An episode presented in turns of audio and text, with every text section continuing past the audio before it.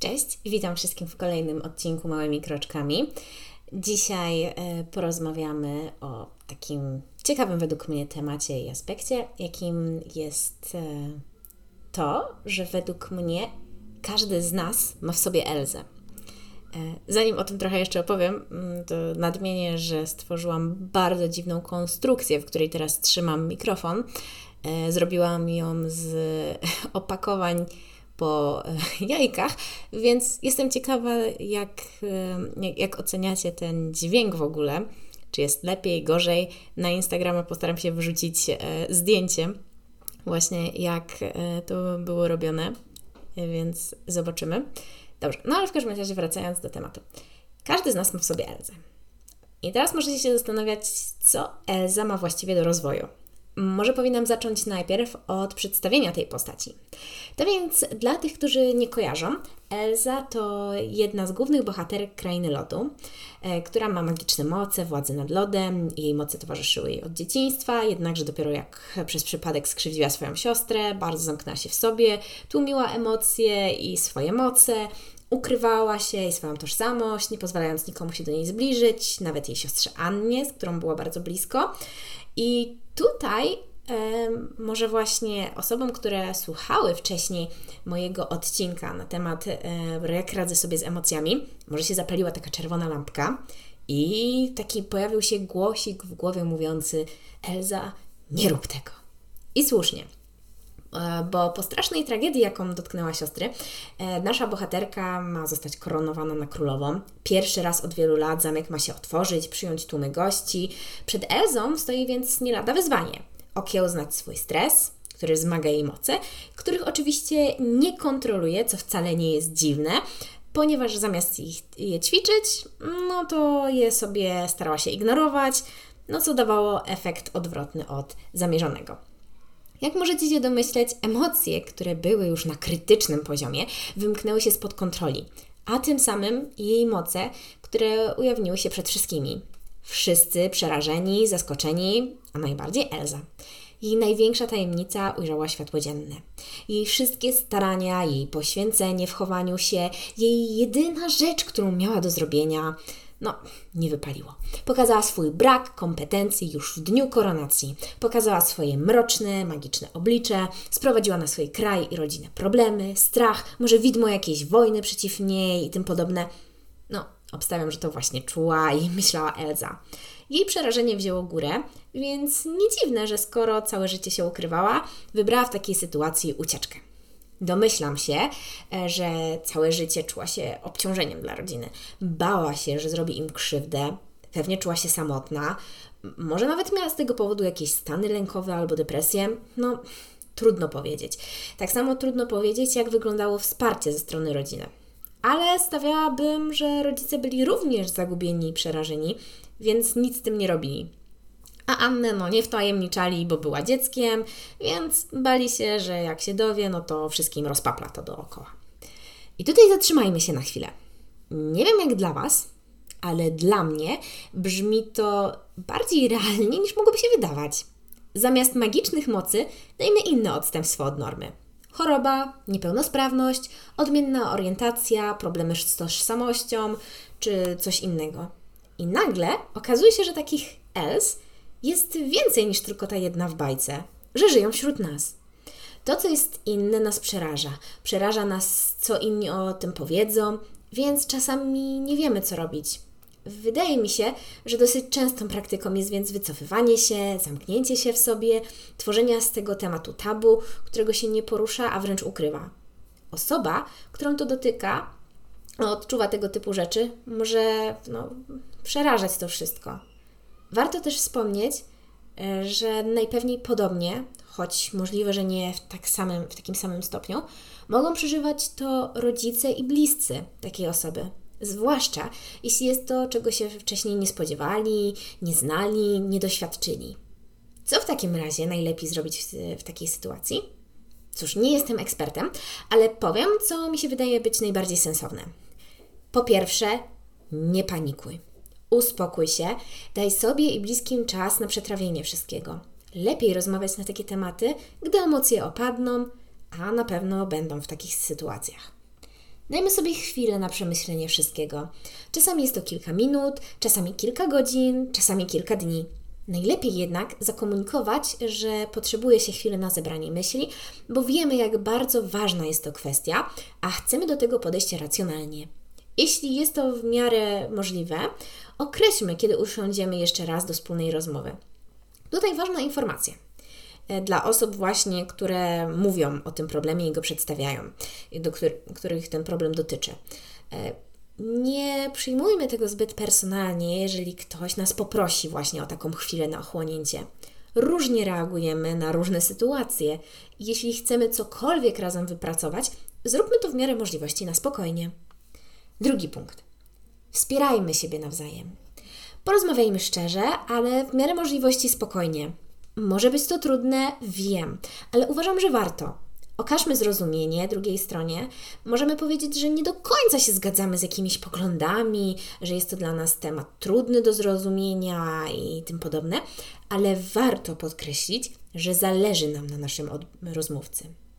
Punkt trzeci. Pójdźmy po pomoc do specjalisty. Nie boimy się tego, nie wstydźmy. Czasami niektóre rzeczy są dla nas zbyt skomplikowane, zbyt niezrozumiałe, boimy się, gubimy i mamy do tego prawo. Warto więc wtedy udać się do kogoś, kto nam wtedy pomoże z taką sytuacją. Punkt czwarty. Miejmy gdzieś, co inni o nas myślą. Kolejna trudna rzecz, tym bardziej, że jest to, no, moim zdaniem, bardzo popularny lęk. Zastanówmy się więc, kto właściwie jest dla nas ważny. Rodzice, dalsza rodzina, sąsiadka, przyjaciele, ta pani z warzywniaka, którą widzimy przez 10 minut raz w tygodniu, a może totalnie nieznany nam człowiek? Z czyją opinią tak naprawdę się liczymy?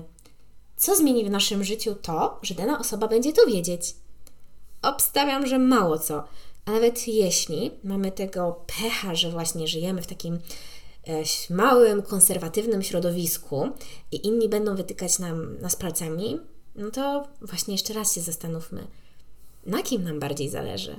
Na szczęściu najbliższych, tych, których dotyka ten problem, czy może obcych ludzi, których no, tak na dobrą sprawę nigdy nie zadowolimy w pełni, a musimy z czegoś rezygnować, z czegoś, co jest dla nas ważne, po to tylko, żeby się do nich dopasować. To trudne zagadnienie i wielowątkowe, więc na razie zostawmy to tak. Wróćmy do Elzy. Co by się stało, gdyby rodzice zastosowali się do powyższych punktów? Po pierwsze, Elza nie czułaby się tak samotna, nie czułaby się zagrożeniem. Rodzice mogliby podkreślać jej, że są po jej stronie, że pomogą, że razem dadzą radę, bo ją kochają taka, jaka jest. Domyślam się, że znalezienie specjalisty w tym zakresie mogłoby być ciężkie. Ale jeśli weźmiemy pod uwagę, że w tym uniwersum istnieją trole, które mają jakąś wiedzę na temat magii, to mogliby się do nich udać, poprosić o jakąś pomoc, o jakąś radę w opanowaniu tych mocy, czy no, no właśnie, nie wiem, polecić jakiegoś znajomego, który jest, nie wiem, magiem, czy, czy cokolwiek i się zna w tym temacie. Druga część e, daje nam jeszcze informację, że rodzicom faktycznie zależało na Elzie i że wyruszyli na poszukiwanie odpowiedzi właśnie na to pytanie, skąd się wzięły te moce i jak je okiełznać. Super! ale w sumie mogliby poinformować o tym wszystkim Elzę. Tym bardziej, że jak wyruszyli, no to kurczę, ona była już dorosłą kobietą. Więc ludzie, rozmawiajmy. To bardzo ułatwia życie.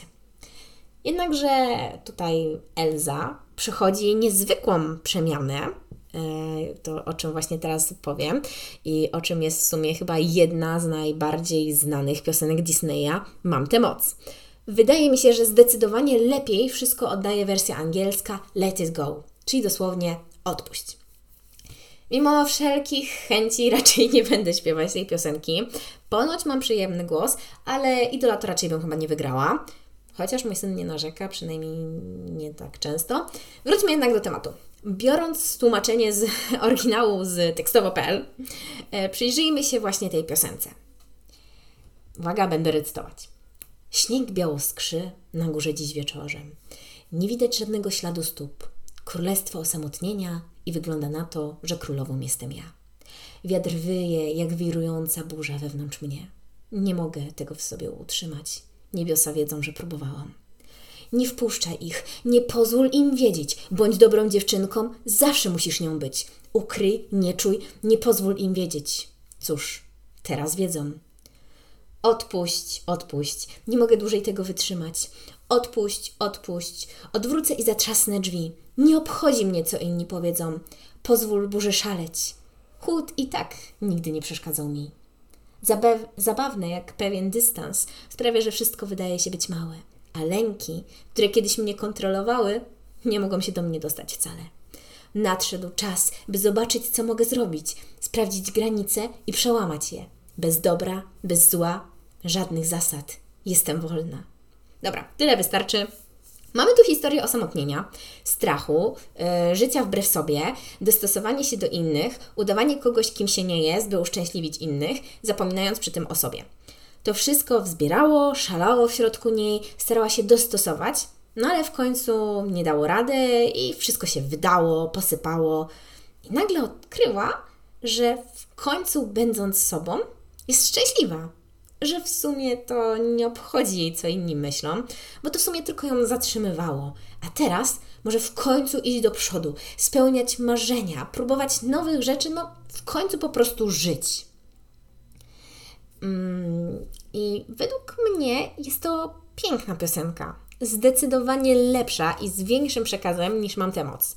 Pokazuje, jak bardzo szkodliwe jest stawianie innych i ich potrzeb ponad siebie że nikt nie jest w stanie ciągle żyć wbrew sobie, no bo w końcu pęknie. Miejmy nadzieję, że takie pęknięcie w stylu Elzy, czyli odkrywając wolność, piękno i szczęście, a nie załamując się przy tym, no jest dosyć, no miejmy nadzieję, że jest częstsze jednak niż e, takie właśnie jednak trwanie w tym i załamywanie się, które może no, doprowadzić do jakichś no, ciężkich, no nie chciałabym tutaj już mówić, że zaburzeń, ale no po prostu stanów depresyjnych, czy nawet no, konsekwencji prowadzić do śmierci. Życie życiem narzuconym, a nie wybranym jest cholernie ciężkie. Czasami możemy przywyknąć do tego i przyjąć się jako własne ze wszystkimi przekonaniami, zasadami i w sumie w konsekwencji tego narzucając je później innym. Jednakże sensem życia moim zdaniem jest dążenie do szczęścia, a życie, zgodne ze swoimi zasadami i wartościami, może je nam dać. Więc pozwólmy na to sobie i innym. Uwolnijmy naszą wewnętrzną Elzę i razem z nią śpiewajmy Let It Go. Powiem Wam, że to w ogóle zabawne, bo początkowo chciałam powiedzieć tylko o odpuszczaniu sobie w kontekście narzuconej przez siebie presji, ale w sumie bardziej poniosło mnie w stronę presji zewnętrznej. No nic, postaram się teraz krótko właśnie wspomnieć o tym fragmencie.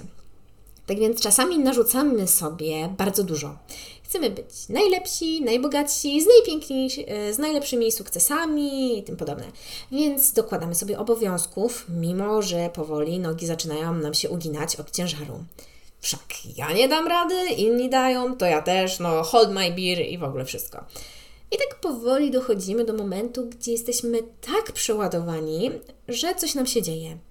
Czasami nie wytrzymujemy presji i emocji, czasami wręcz nasz organizm choruje, bo na przykład za mało śpimy, źle się odżywiamy, mamy za dużo stresu itd. Tak Myślimy, że jesteśmy czasami niezastąpieni.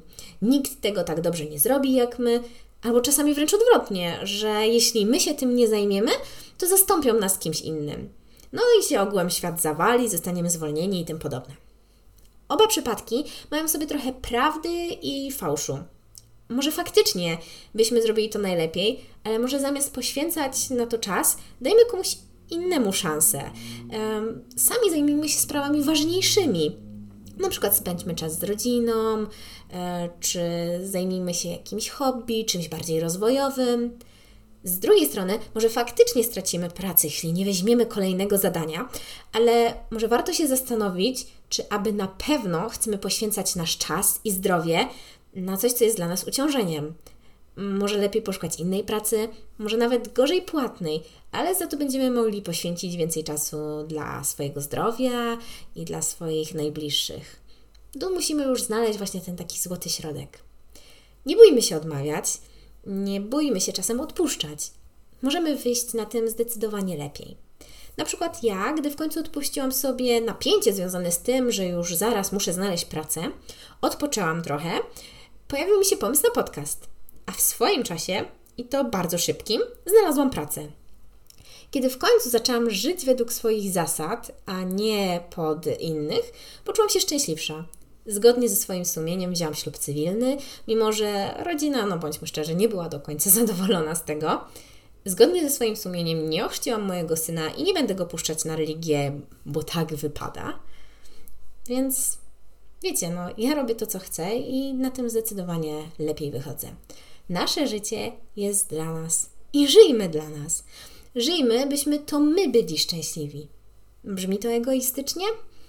Może, ale egoista to nie jest tylko osoba, która nie widzi nic poza czubkiem swojego nosa. Racjonalny egoista chce swojego szczęścia, a czasami to szczęście dają mu bliscy. Będzie więc się starał robić wszystko, żeby ich uszczęśliwić, ale przy tym nie będzie się poświęcał. Egoista może chcieć żyć w lepszym świecie, bardziej ekologicznym, zrównoważonym, więc będzie robił wszystko, by tak się stało. Nie szufladkujmy, że egoista to ktoś zły, bo tak nie jest. Myślmy o sobie, bo często o tym zapominamy. Doceniajmy siebie, dbajmy o siebie, wspierajmy się i czasami powiedzmy let it go. Dobrze, to byłoby na tyle.